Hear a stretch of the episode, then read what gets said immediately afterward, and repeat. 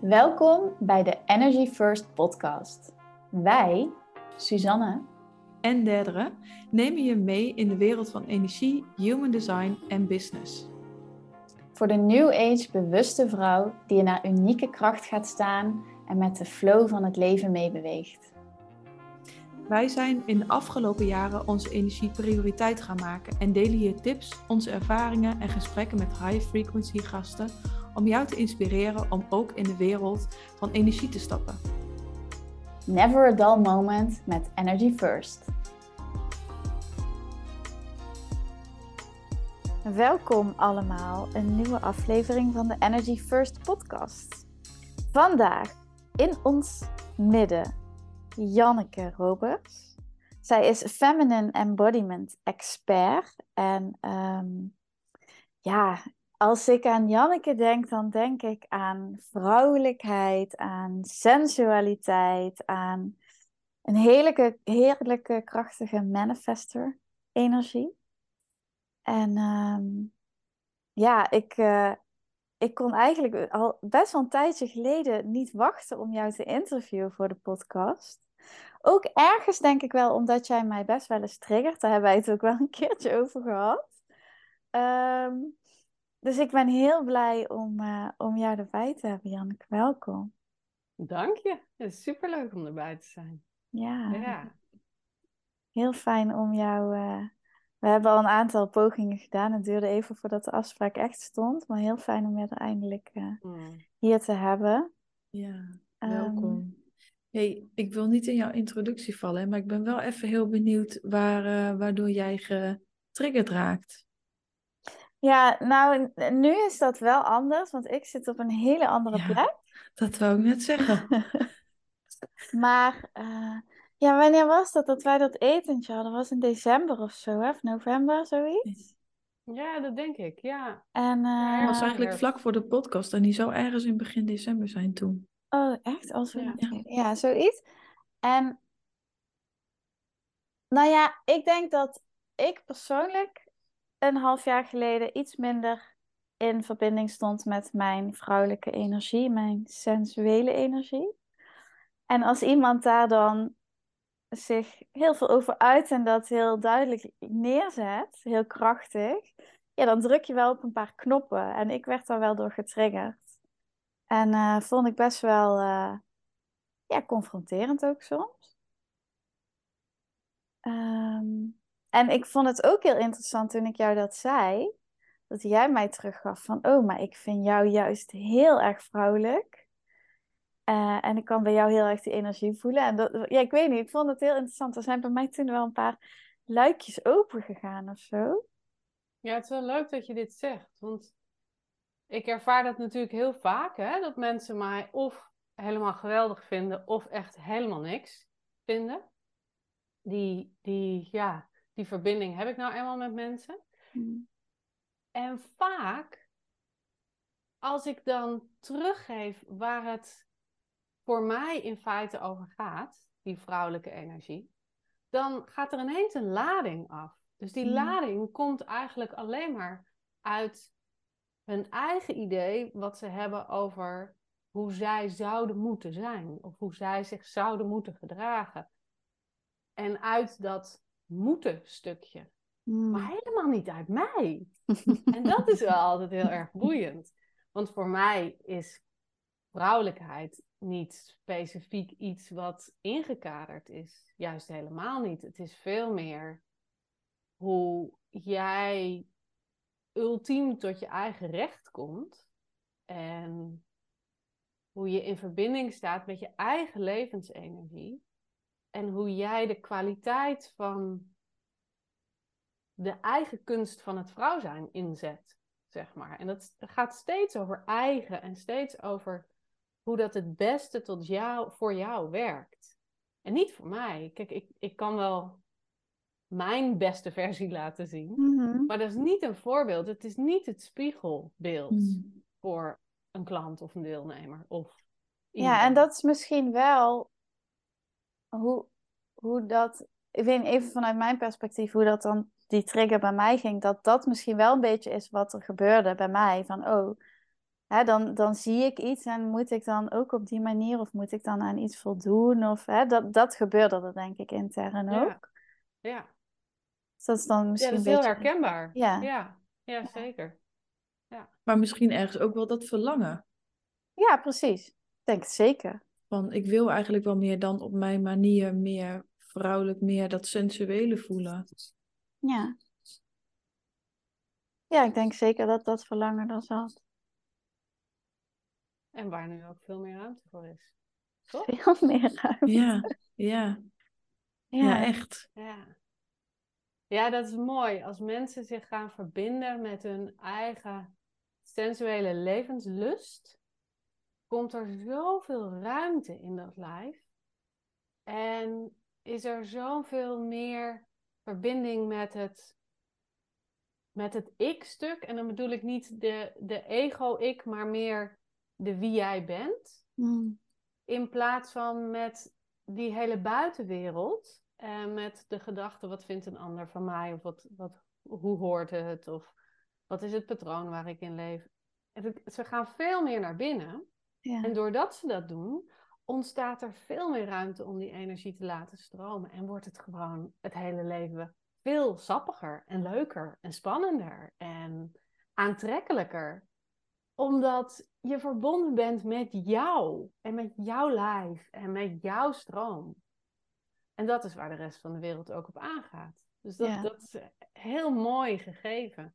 Dat als jij aangaat, dat de rest van de wereld ook aangaat. Ja, het is gewoon win-win. Ja, super. Ja, zeker. Ja. Ja, en als je dat heel praktisch gaat zeggen. Als ik thuis kom in mijn familie en ik kom heel zagrijnig niet verbonden thuis, want ik heb alleen maar in mijn computer gezeten en ik zit helemaal in mijn hoofd. Dan gaat mijn kind gelijk zeuren. Dan heeft mijn man al geen zin meer om de tafel klaar te zetten en dan is de avond echt bed. Terwijl Hmm. als ik wel verbonden thuis kom, als ik helemaal geland ben in mezelf, als ik vanuit mijn bekken verbind met mijn familie, nou, dan stroomt het allemaal moeiteloos. Ja, heerlijk. Ja. Zo'n groot resultaat met zoiets relatief, of ja, kleins. Ik kan eigenlijk niet zeggen dat het klein is dan, maar Ja, Dus denk ik Ja, ook groot klein, in deze ja. wereld. ja. Ja dat, en dat begint eigenlijk bij heel simpelweg bewustzijn van dat je een bekken hebt. En dat daar je bron zit. Hmm. Dat daar het begin van je levenslust zit. Ik vind het ook dus- wel mooi. Ik heb het vaak over levensenergie, maar je zegt ook echt levenslust. Dat maakt het ook Ja. niet. Ja, en je had net al het woord sappig, daar ga ik ook wel lekker op. maakt Ja, daar, daar, het aan, maar ik, raken mensen natuurlijk van de wap. Dat snap ik Ja. ook wel. maar ik, Nee, juist leuk. ja, ik, ik ga Ja. er goed op. Ja, nu wel, hè? Ja. Een paar maanden geleden, laptop dicht. Nou ja, zo zie je Ja, maar. levenslust. Hmm. Weet je, dit is, dit is het leven waar we ons bewust van zijn. En als we daar geen lust in hebben, waarom zijn we dan hier? Ja. Echt super zonde. Ja, Ja. als, als niet die lust voluit mag stromen. Ja. Ja, ik vind ook als je kijkt naar de natuur, dan zijn de planten waar die, die sappigheid door zich heen hebben laten stromen, frisse groene blaadjes, die zijn het mooiste. Hmm. Ja, de blaadjes in de herfst zijn ook mooi, maar daar zie je wel dat ze aan het verdorren zijn en dat ze dood zijn en dat ze afsterven. Terwijl dat wat vol levenssap zit, dat wat sappig is, dat heeft nog de hele wereld voor zich, als Ja. het ware. Het zit ook in een soort van hoogtepunt dan, hè? Of niet? Nou, daarvoor zou ik zeggen. Ja. Ja, echt die groeifase. Ja. Wel mooi, want wat ik inderdaad zie als vrouwen veel meer in, in dat bekken zakken en in die levenslust, zie je letterlijk ook van een soort, ja, ik noem dat dan uitgedroogde vrouw. Maar nu jij dat zo zegt van, dat, van die planten, zo denk ik, ja, dat is het. Het is dat water eigenlijk. En dat bekken is ook, zie ik dan ook altijd, als ik dan in mijn visualisatie zie ik daar een kom met water. Ja, ja, zeker. En dat dan zo omhoog laten komen, of naar beneden, maar niet waar het heen wil stromen. Ja. Ja, het onderste chakra staat natuurlijk voor de aarde en de grondenergie, de materie. Maar dat tweede chakra, waar onze seksualiteit en onze sensualiteit leeft, dat zit ook nog in dat bekken. Dat heeft de Ja. kwaliteit van water, van stroom, van vloeibaarheid. Ja, Ja. Van sappigheid dus. Ja. Hmm. Hey Suus, wil jij je introductie nog verder doen met een kleine uitdaging? Ik weet niet meer waar ik was gebleven eigenlijk. Ehm. nee, ik ben wel gewoon benieuwd naar. ehm Janneke, als jij dan. Je hebt het over voluit vrouw zijn. Wat, wat is dat? Oeh, dat is een mooie vraag. was precies de vraag die ik ook had opgeschreven. Wat is dat Wat is voor dat? jou? Ja. ja, en dat is wel een belangrijke toevoeging. Wat is dat voor mij? Want wat voor mij voluit vrouw zijn is, is het misschien niet voor een ander. En voor mij is het heel erg diep verbonden zijn met mijn eigen lijf en met wat ik voel. En daar voluit voor durven staan. En dus ook voluit die ruimte daarvoor durven innemen. En dat creëert in mijn ervaring of mijn energieveld, of hoe je dat dan wil noemen, een onwijze ruimte waarbinnen ik de vrijheid heb om te doen wat ik wil en wat ik verlang en waar ik naar wens. Maar waar ook de openheid is waar een ander naar binnen kan komen. Dus waar ook de verbinding met de ander kan zijn. En dat op een hele diep doorvoelde manier. En dan zit ik, terwijl ik dit vertel, ook even te denken aan mensen die ik dan in die ruimte zou willen hebben. En dat verschilt natuurlijk. Hè? Kijk, als ik, als ik mijn kind in mijn ruimte heb, is dat een heel andere vorm van voluit zijn. Daarin, daarin creëer ik meer zo'n bekkenschaal voor haar om in te landen. En ben ik gewoon meer voluit nieuwsgierig naar wat daar mag ontstaan. Maar als ik het dan heb over mijn partner bijvoorbeeld, dan is de uitnodiging veel meer om heel stevig te gaan staan voor wat ik wens en wat ik verlang. En ja, daar moet ik dan wel bij zeggen, want mensen denken dat vaak niet. Ik vind het dus best wel lastig om voor mijn eigen verlangens en gevoelens op te komen. Hmm. Omdat ik van kinds uit zo'n zo'n stemmetje heb dat van, ja, jouw verlangens zijn niet belangrijk. Je moet gewoon doen zoals het hoort. En je moet doen zoals wij het zeggen. En ja, vooral stil zijn en de regels volgen. Dus voor mij voelt dat voluit vrouw zijn echt als een, als een, een uitnodiging om daar wel voor te gaan staan. En met, met deelnemers voelt het meer als een soort dans. Dat ik mijn vrouw zijn dans, als het ware, in de beweging of laat zien.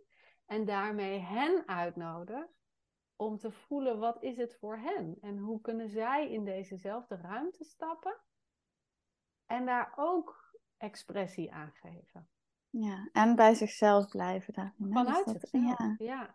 ja, mooi. Ik vind het ook heel mooi hoe je zo eigenlijk al die rollen, hè, dat het, het zit op zoveel levels. En het heeft dus ook zoveel andere vormen eigenlijk. Afhankelijk van in welke ruimte je begeeft. Ja, en dan vanuit een soort diep doorvoeld stilpunt in jezelf. Ja. Mijn uiting is misschien anders naar mijn dochter toe dan naar mijn deelnemer toe, omdat de verhouding ook anders is. Ja. Maar er is wel een bron waarvan ik uitkom, waar, wat, de oorsprong is, zeg maar. ja, en die is natuurlijk Ja. hetzelfde. Ja. Dat is wel interessant. Ik kan me voorstellen dat als je eenmaal in die bron haakt, hè, als je daar echt geankerd bent en daarop kan instappen, Mhm. dat het ook steeds makkelijker is om die, die dynamiek dan aan te brengen in die, in die verschillende ruimtes. Ja. Als je het eenmaal ervaren hebt, kun je er naar terug. Ja, Dan heb je een anker, een, een gevoeld anker. ja, En dan kun je het natuurlijk wel vergeten. Zo vergeet ik dat ook nog de hele tijd in het dagelijks leven. Zoals dat gebeurt. Je wordt getriggerd, je wordt eruit getrokken. Ehm, ja, je moet dingen doen waar je geen zin in hebt. Mm. Je boekhouding. bijvoorbeeld. Ja. Ben ik ook even weg. Maar hoe vaker je beoefent om terug te komen in dat bekken, in die sensuele levenslust, hoe gemakkelijker het gaat, hoe sneller je de toegang weer hebt. Mhm. Ja.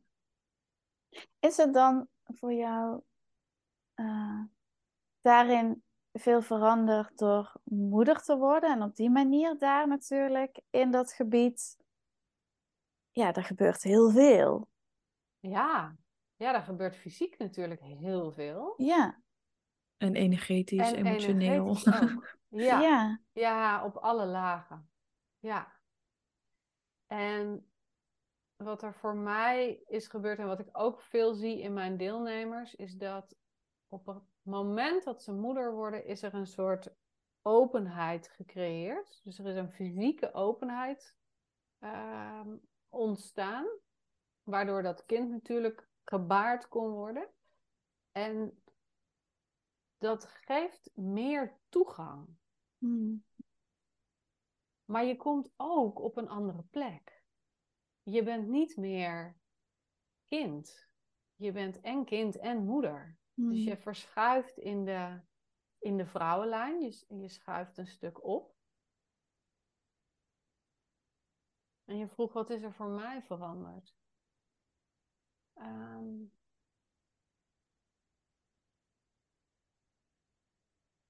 nou, ik heb wel echt onwijs geworsteld met die moederrol. En het was pas deze week, dat is heel grappig, ik heb daar deze week over na zitten denken, dat ik, ze is nu zes. En in die eerste twee jaar werd ze krijzend wakker midden in de nacht. Het was geen huilbaby, maar ze werd dan gewoon wakker en ze, en ze stond aan op krijzen. Mm. Nou, dat was voor ons echt eh, heftig, om het subtiel te zeggen. En ehm, daarna hebben we een, ehm, een ecowijk ontwikkeld en ons eigen huis gebouwd. Dus toen hadden we ook nog twee jaar vette stress. En eh, nou, toen kwam die leuke corona er doorheen. Mm. En nu is ze zes. En nu had ik zoiets van: hé, hey, ik begin het leuk te vinden om moeder te Mm. zijn. Ik begin te voelen wat sommige andere moeders zo met één al kunnen voelen of met babytijd kunnen voelen: van ik hou van mijn kind. Mm. En die, die echte diepe overgave daaraan, dat vond ik heel lastig. Hmm. Ja. Wat vond je daar zo lastig aan? Nou, vooral omdat ik mijn eigen vrijheid kwijt was. Je, je zit natuurlijk in het stramien van een kind. En je kunt Mhm. als moeder natuurlijk wel de weg bepalen. Maar ja, een kind heeft voeding nodig, heeft slaap nodig, heeft ritme nodig. Dit, ja, er zijn dingen die gewoon minder gemakkelijk gaan. En, eh, en voor iemand die voluit voor haar eigen levenslust wil staan, Mhm. is dat nogal een inperking die je van Hmm. tevoren echt niet kan bedenken. Nee. Dus, eh, Dat vond, dat vond ik echt shocking. Ja. Eh, Mijn ervaring is ook vanuit Human Design dat heel veel manifestors dit ervaren. Ja. Manifestor moeders die in één keer zo... Ja. Want eh, het is natuurlijk, vrijheid is zo'n beetje het allerbelangrijkste wat je in dit leven wil ervaren. En dan ineens wordt... Misschien wordt de vrijheid eigenlijk niet per se... Ik wou, want ik, ik wou zeggen, wordt vrijheid ontnomen. Wordt eigenlijk niet, maar ergens ook wel. Ja, in de praktische zin wel. Ja, Na- natuurlijk is vrijheid een, een staat van zijn. ja, En, en streven wij vrede na als, als manifestors. ja, Ik vind peace vind ik een mooier woord. Ik vind vrede een beetje een raar woord. ja. Vrede op aarde. Ja, ja daar moet ik dan vaak aan Dan denken. moet ik al aan denken, ja, dan zie ik zo'n duif. Ja, ja, ja. Oh, ik Ja. dacht Miss Universe. Oh ja, ja. En dat is ook wel zo. En ehm, de meeste herkenning heb ik ook inderdaad op Manifestor Fora eh. Zeg Mhm. maar echt van die vrouwen die ook zeiden van jeetje, wat is dit? Ik, ik, ik kan hier niet tegen. Of eh, ook heel veel vragen van moet ik eigenlijk wel moeder worden? Moet ik dat Ja. willen? Zeg maar. Ja. Dat. En dan heel veel ervaringen van andere manifestormoeders die zeiden van nou, eh, maak je borst maar nat. Ja, Ja. Ja, En dus toch ik ben wel heel mooi dat, het- een, ja, sorry. een- iets, iets rustiger in kan zijn. Ja, En ehm, nou, dat heeft denk ik ook met de leeftijd te maken. Hè? Met zes kom je echt wel op je eigen pootjes te staan. En ze gaat wat meer de hort op. Dus, dus er komt ook meer ruimte. Ja. Ja. Kan je nu dan die vrijheid wel weer voelen? Nou, niet, niet zoals die was. Nee. Zeker niet. Nee. Maar er is meer ruimte. Ja, ik vind het ook heel verfrissend dat je dit gewoon zo eerlijk deelt. Ja. Ik, ik lees zo vaak in, als je dan een keer bij de tandarts bent en je opent zo'n zo'n vrouwenblad, dat veel vrouwen hiermee vechten. Maar volgens mij is er echt zo'n taboe op om dan te zeggen van, ik vond het niet meteen heel leuk of... Ja.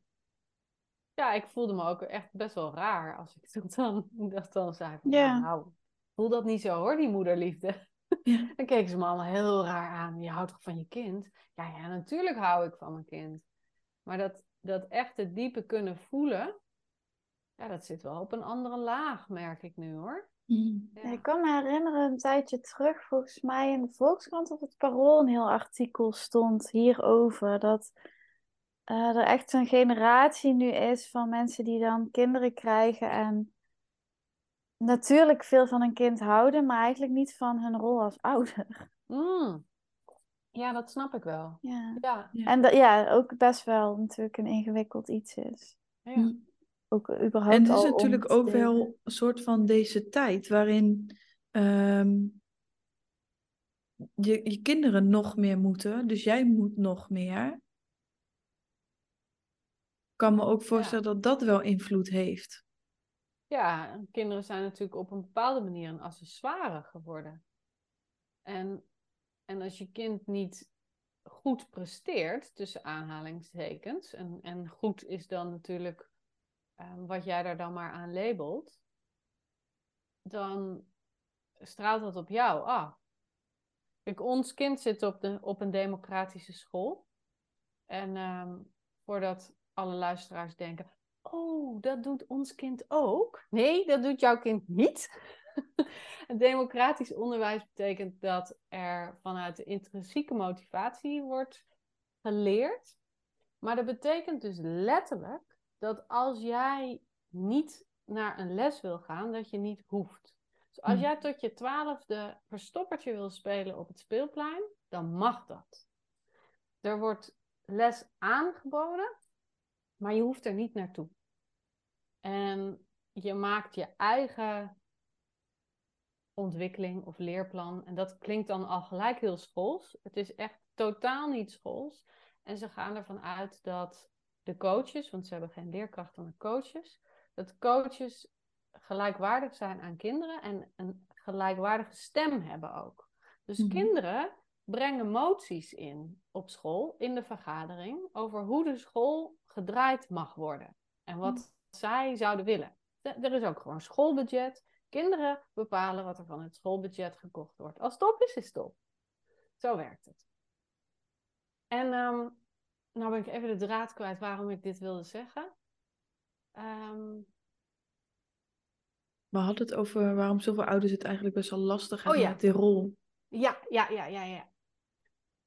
Dus in mijn rol als moeder, wat ik eigenlijk doe, is faciliteren zodat zij zich kan ontwikkelen als het mens dat zij is, zonder daar al te veel conditioneringen op te leggen. Dat doen we natuurlijk allemaal. Ik bedoel, ik ben ook opgegroeid, dus ik heb ook een, een zak mee aan conditioneringen. En die probeer ik dan zo min mogelijk door te geven. Maar goed, dat gebeurt ook. En mijn kind is dus, als je het aan de maatstaven van deze maatschappij zou leggen, best wel onopgevoed. En dat is dus best lastig accessoire. Mensen kijken mij aan als mijn dochter geen zin heeft om hoi te zeggen. Maar ik ga haar niet verplichten om hoi te zeggen als ze ergens binnenkomt. Waarom zou ik dat doen? Als zij voelt dat ze wil verbinden met andere mensen, dan mag dat. Als ze voelt dat ze dat niet wil doen, is dat ook oké. Hmm. Want anders, dan wordt zij zo'n deelnemer van mijn groep, die al die conditioneringen weer moet ont, ontconditioneringen, zeg maar, om weer voluit tot zichzelf te kunnen komen. Maar dat staat natuurlijk helemaal niet mooi in deze wereld. Ja. Het is wel interessant, hè, hoe dat Ja, mijn mind is ook even zo. Oh, oh. ja. ja. ik vind het meteen heel vet, maar wel zo. Uh, meteen dat je merkt, Oh, en, en, en hier dan, en hier dan. Ja. Gaat nu heel plan erbij halen. Ik laat gewoon even tetteren. Ik probeer gewoon te blijven voelen. Maar het is wel grappig wat het dus ook doet in mijn systeem. Als jij zoiets out of the box vertelt en mij zo. Ja. Ja en, ja, en ik voel ook liefde. Absoluut. Absoluut. Ja. En natuurlijk is het ook een reactie op hoe ik ben opgegroeid. Mm. Ik heb, ik heb al die regels meegekregen. Ik moest met mes en vork eten toen ik één was. Ja, mijn kind eet nog steeds met haar handen. Hmm. En ze kan het allemaal wel. Ze kan met mes en vork eten. En ik vertrouw er ook absoluut op dat als zij 18 is, dat ze al die, ja, die codes en, en hoe we met elkaar omgaan, die samenlevingsregels, allemaal best snapt. Want wij zijn haar voorbeeld en wij leven niet als holbewoners. Ik zeg wel dankjewel als ik iets krijg. Dus ze krijgt dat echt mee. Hmm. Maar ik ga haar niet dwingen om dat te doen. Om maar in te passen. Mooi. Weet je welke uh, human design jouw dochtertje heeft? Ja. Die van mij is een projector. Dus dat, dat is een prachtige combinatie met een manifestor. Ja. Ja. En soms ook heel lastig. Ja. Ja. Hele mooie gids eigenlijk voor jullie. Ja. Ja. ja Bijzonder. Ik vind het heel leuk om te horen over jouw leven en de keuzes. Mm. Ja. Ik ben helemaal in een soort van gedachteloop beland. van, ja, het is toch eigenlijk bizar hoe we dus um, zo'n groot deel van ons leven dingen leren en dan weer zo onwijs veel moeite moeten doen om het te ontleren. En hoe verfrissend het dus is als je from the start het dus al anders doet. Ja. En die ruimte geeft. Maar inderdaad, wat je zegt, van, ja, het is natuurlijk heel erg uitdaging in het stramien waarin we met z'n allen zitten, om dat dan dus los te laten. Ja, het is echt lastig. Ja. Ben je nooit bang dat je het verkeerd doet?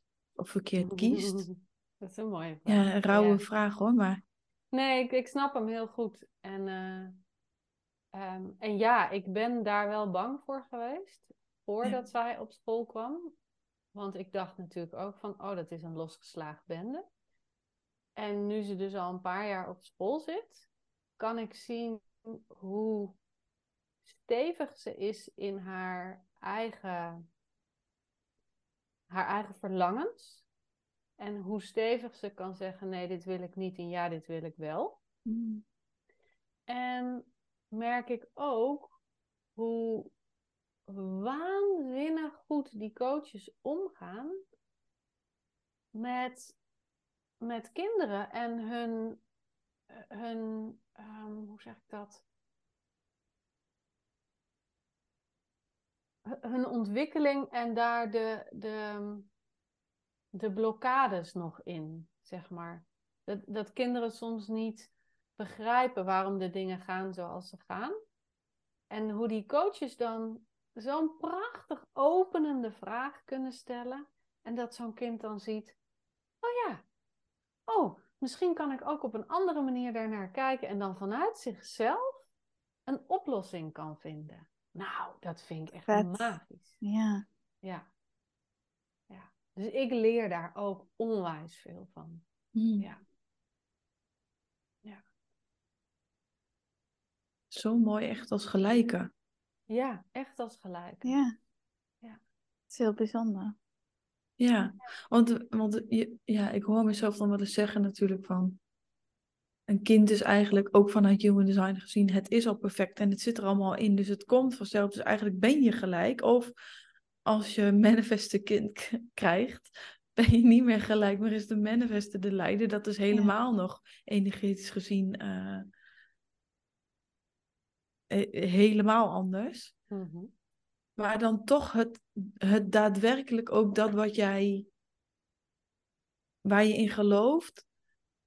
En de programmering die je hebt, om dan daadwerkelijk steeds te kiezen voor dat wat jij wil. Dat, is, dat vind ik wel een hele mooie, wat ik hier zo in hoor. Ja, Want dat soms wil je wel iets of heb je iets bedacht, maar dan neemt je systeem over. Ja. ja, die oude programmering neemt dan over. Ja, Ja. zeker. Ja, ik Nou, wou zeggen, met de, de ook buitenwereld of de regels of de verwachtingen, Ja. die nemen het ook allemaal over. Ja. Hè? hè? Ja. Ja, dus ik heb ook echt best wel discussies met eh, mijn ouders, met opa en oma dus, over hoe, hoe de interactie is. Mm. Ja, haar neefje en nichtje, die doen het wel tussen aanhalingstekens zoals het hoort. En dat vinden ze heel fijn. En die van mij doet het niet zoals, het, zoals ze het gewend zijn of dat, hoe ze het zouden willen. Hm. En dat triggert bij hen natuurlijk ook allemaal Ja. persoonlijke dingen. Het spiegelt zoveel. Mhm. En de vraag is, wil je daar aan of wil je daar niet aan? Ja. En dan voor mij de uitnodiging om te gaan staan in mijn wijsheid en vanuit mijn bekken te kunnen zeggen: Ja, pap en mam, dit is hoe ik het doe. Het is niet hoe Mm. jullie het hebben gedaan. Het is misschien niet zoals je het zou willen, maar dit is hoe het is. Ja, het is heel mooi hoe dit dan echt ook op een heel nieuw level uitdaagt om voluit bij jezelf te blijven. Ja. Ja. Ja. Ja. Ja. Dat is wel echt een soort van put it to the test, hè? Zo, Ja, zeker. ja. zeker. Ja. Nou, en daar kan ik ook echt in merken dat als ik mijn, eh, mijn sensual life werk doe, voordat ik naar mijn ouders ga, dat we dan hele andere gesprekken hebben dan als ik het niet doe. Ja. En als ik gestrest aankom, of als ik in mijn hoofd zit, of als ik alleen maar vanuit mijn hart probeer te verbinden. Ja, werkt gewoon niet. Mm. Echt diep afdalen naar mijn bekken is het enige wat werkt. Ja. Hm. Ja. Heel mooi. Ja. Hoe is voor jou de weg begonnen? Oh, Ja, nee, goed. Vertel. hoe is voor jou die weg begonnen? Ehm, bedoel je die weg De van... weg van het afzakken naar de bekken. Ja. Ja. Ik was eh, theaterproducent. En ik organiseerde multidisciplinaire voorstellingen op bizarre locaties. Dus in een onderzeeër of eh, op de grens tussen Noord- en Zuid-Cyprus in niemands land. Echt dat soort ja, ja, bijzondere plekken. Mm. En uh, wij werkten daar heel veel met de verschillende zintuigen en met het publiek echt betrekken met die zintuigen. Dus dat was al heel erg sensueel. Mm-hmm. Want voor mij is sensualiteit het op en top genieten van dat wat je zintuigen je vertellen. Dus daar werd al iets aangezet. En daar, daar zat ik in met onwijs veel liefde voor het product wat we maakten. Maar ik was daar ook bezig de ander te plezieren. En ik was daar niet bezig met mijzelf en mijn eigen grenzen en mijn eigen gronding. En mijn eigen behoeftes en gevuld worden zelf. Ik was eigenlijk alleen maar aan het geven, zowel aan het publiek als aan de theatermaker die dit allemaal bedacht. En ja, daar krijg je uiteindelijk een burn-out van. Dus uh, dat bracht mij op het pad van wat is er aan de hand en waarom, waarom werkt dit niet? En ik zit nou even te denken wat nou het eerste was. Ik had een boek gelezen van Mama Gina van de School of Womenly Arts. Mm-hmm. En dat gaat over, kort gezegd, over hoe voeg je nou plezier toe en wat zijn de kunsten van het vrouw zijn. Bedoel je lag... Pussy? Ja, ja, ja, zij. Ja. Ja. Het boek heet zo even voor de mensen. Nee, nee, het, Pussy is het nieuwste boek van okay, haar. Oké, maar een uh, ander, ander boek. Ja, joh, dit, dit is al echt van twintig jaar geleden. Oh, leuk. Oh, dan ga ik even googlen. Ja, ja, ja, het is heel fijn. En, um, en ik lag op de keukenvloer naar het plafond te staren, eigenlijk al drie maanden. En um, ja, een soort van helemaal dat, dat grijze blaadje in de herfst, dat aan het afsterven was. En ik weet nog dat ik toen dacht: wat zou mama Gina nou doen? Hoe zou zij nou genieten van dit moment? Hoe zou zij meer plezier toevoegen aan dit moment? En toen dacht ik: nou, dan zou ik in ieder geval opstaan en op het balkon in de zon gaan zitten, want het was lente. En dat was eigenlijk de eerste stap die ik deed in wat zou er gebeuren als ik me over zou geven aan die innerlijke sensualiteit? En toen ben ik bij haar de mastery gaan doen. Dus ben ik op en neer naar New York gevlogen voor een half jaar.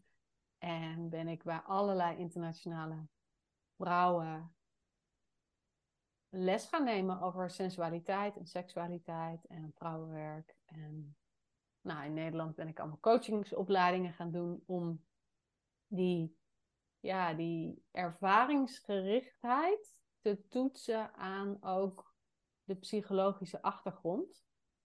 En, uh, en toen bleek dat al die spirituele woeha gewoon psychologie is. En dat sommige dingen die in de psychologie niet verklaarbaar zijn, wel door spiritualiteit verklaarbaar zijn. Dus dat was een mooie match. Hmm. Ja, eigenlijk zo.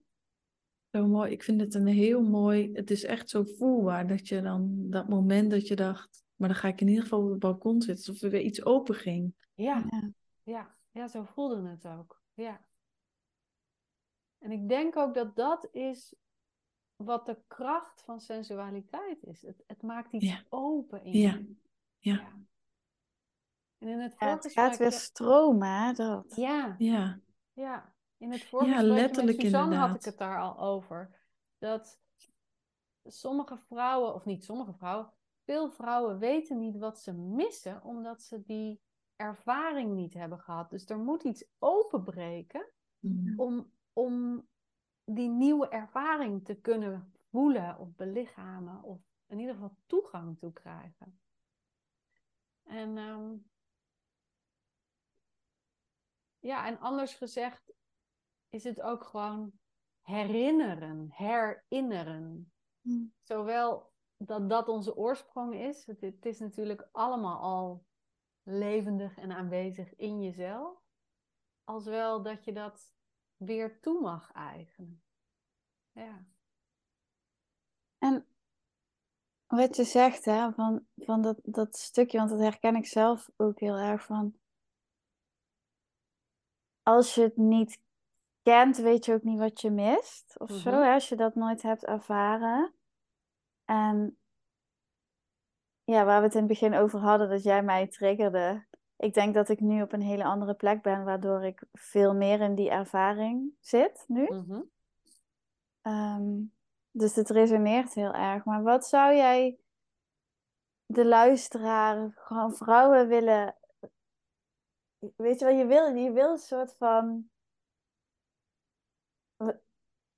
Of hoe ik het een beetje voel nu is van, oh ja, dan heb je ervan geproefd en dan wil je meer. Mhm. Wat is de, de, het, het, het, hoe kunnen we proeven met z'n allen? Hoe kunnen we hier meer van? Hoe, is er iets wat je kan doen of kan, misschien wel dat boek of, I don't know, weet je wel, ik, ik- een soort van haakje zoek ik of zo. Soort van haakje. Of ja, snap je een beetje wat ik, ja. Ja, nee, ik snap heel goed wat je, wat je bedoelt. En ik geef mijn vrouwen heel vaak huiswerk, want deze vraag krijg ik natuurlijk heel vaak. Ja. Mhm. En wat ik dan vaak zeg, zijn twee verschillende dingen. De eerste is, geef jezelf iedere dag een borstmassage. Mhm. Mhm. Dat helpt zo met verbinden met je hart. En echt aankomen in je eigen lijf. Mhm. En het tweede ding is om die sensualiteit wakker te maken. De, de stroom, ik weet niet of jullie het daar in een andere podcast al over gehad hebben, maar de, de stroom in vrouwen die begint bij de yoni, daar komt de energie in en die gaat door het hart weer naar buiten. Dus de, de loop in jezelf is van onder naar boven en van boven naar onder. Mhm. Dus wat je kunt doen, is yoni-sipjes nemen van de aarde.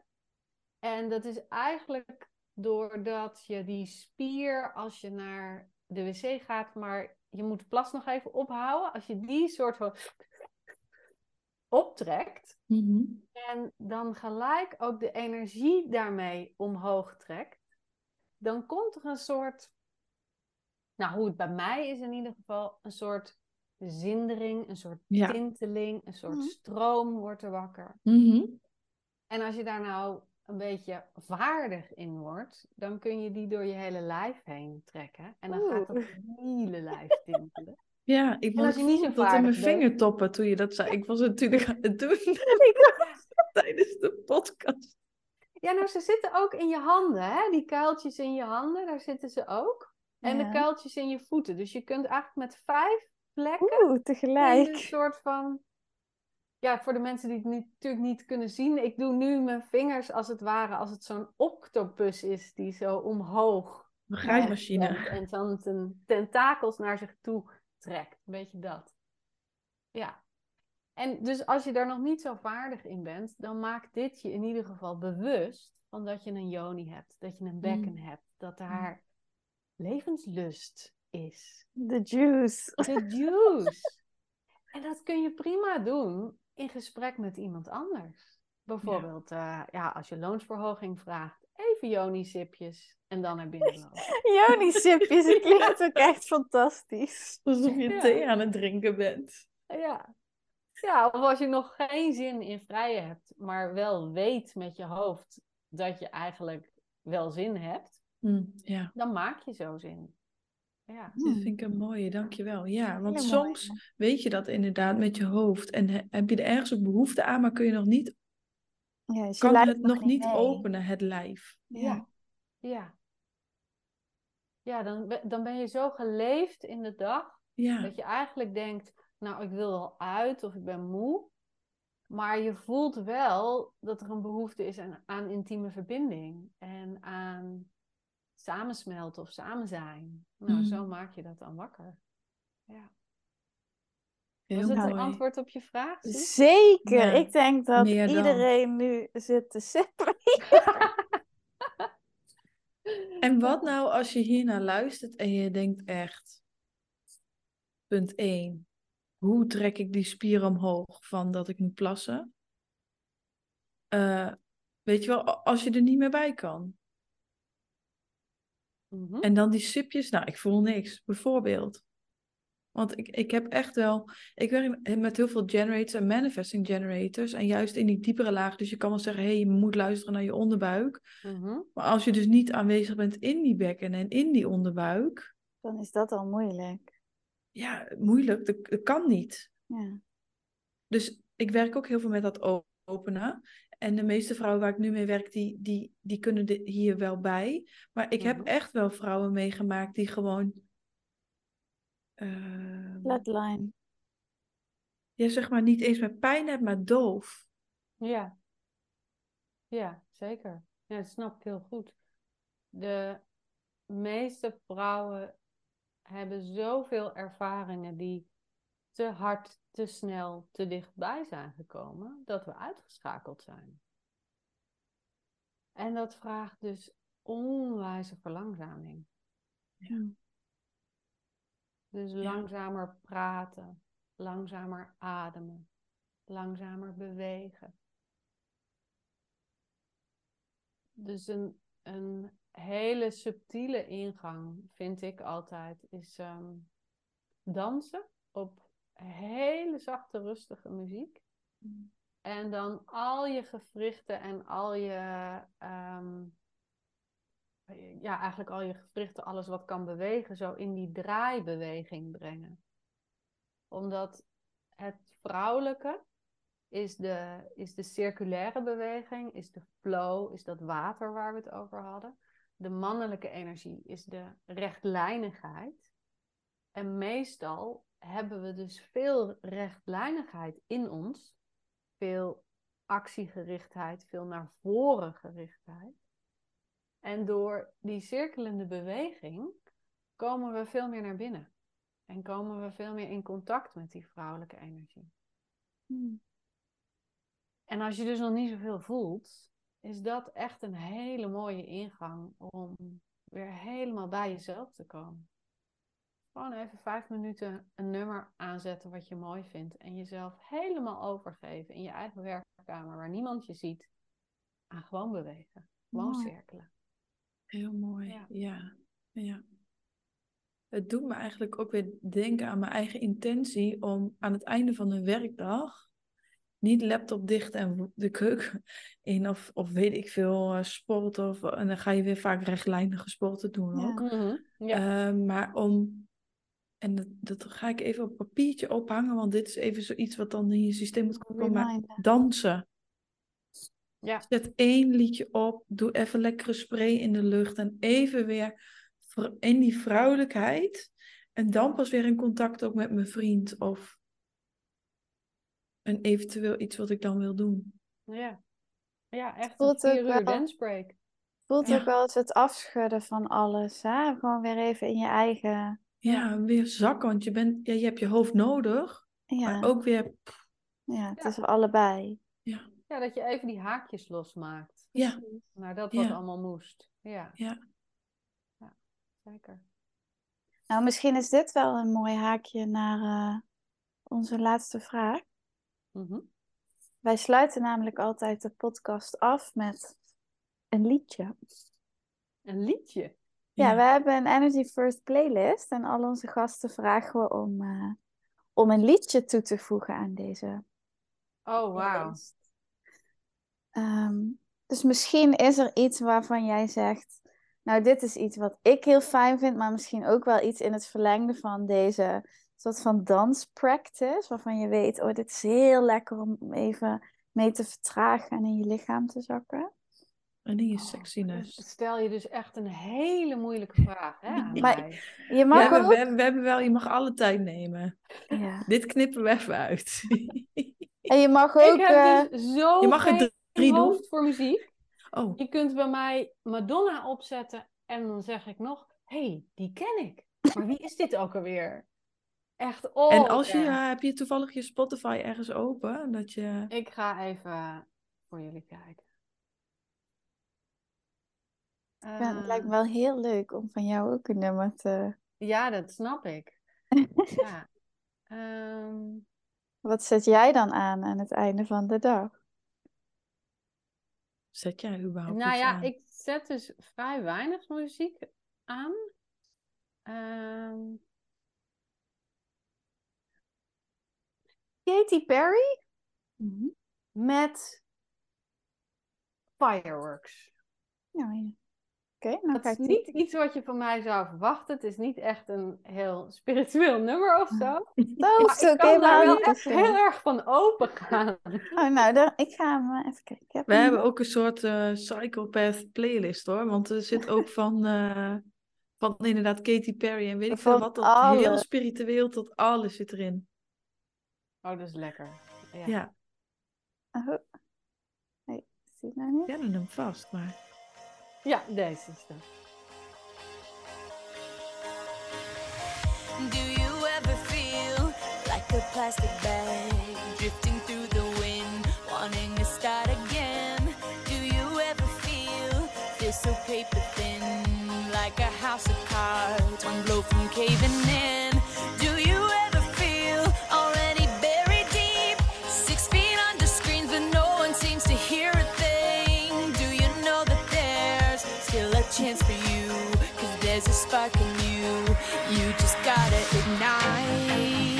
The light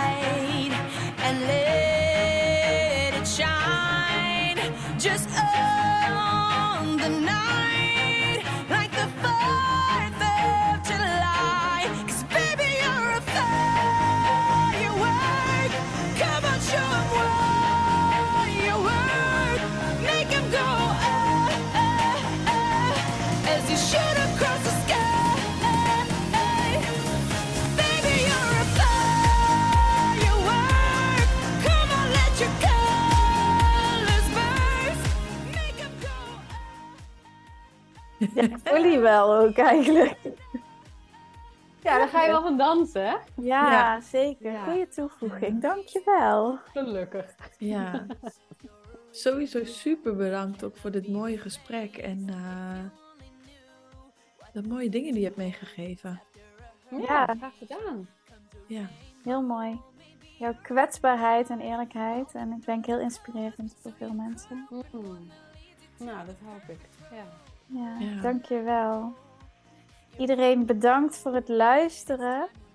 Eh, we zullen de gegevens van Janneke en het boek ook even in een linkje in de show notes delen. Ehm, als je de podcast hebt geluisterd en je bent er hier enthousiast over, laat het ons weten. Deel de aflevering, laat een rating achter. Dan worden we beter gevonden. En eh, tot de volgende. yes, dank je.